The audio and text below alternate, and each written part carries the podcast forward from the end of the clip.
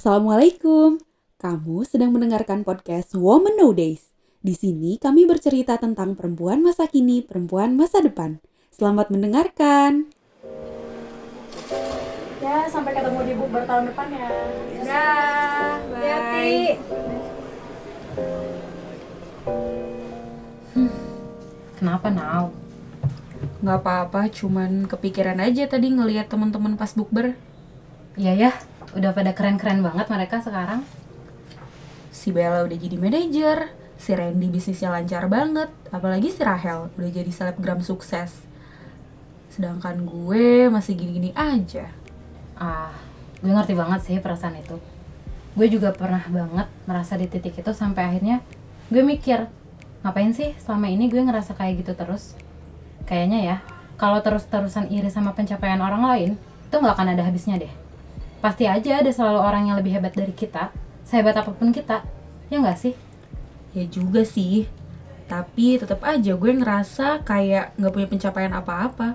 Karir gue nggak stabil, berkeluarga juga belum.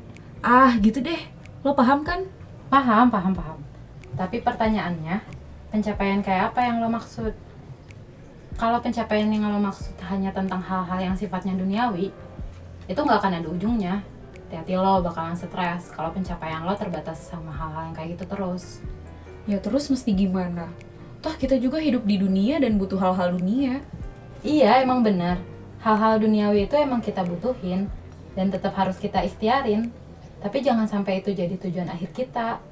Coba deh, Now. Lo perhatiin orang-orang yang tujuan hidupnya jelas. Jujur, gue jauh lebih insecure sama orang-orang kayak mereka. Hidupnya jelas nyari ridho Allah, tujuannya surga, gak khawatir sama dunia. Tapi masih bisa dijalanin dengan baik.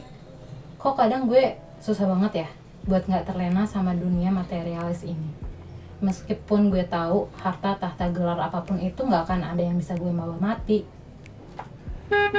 Eh, udah dulu ya. Gojek gue ternyata udah datang nih.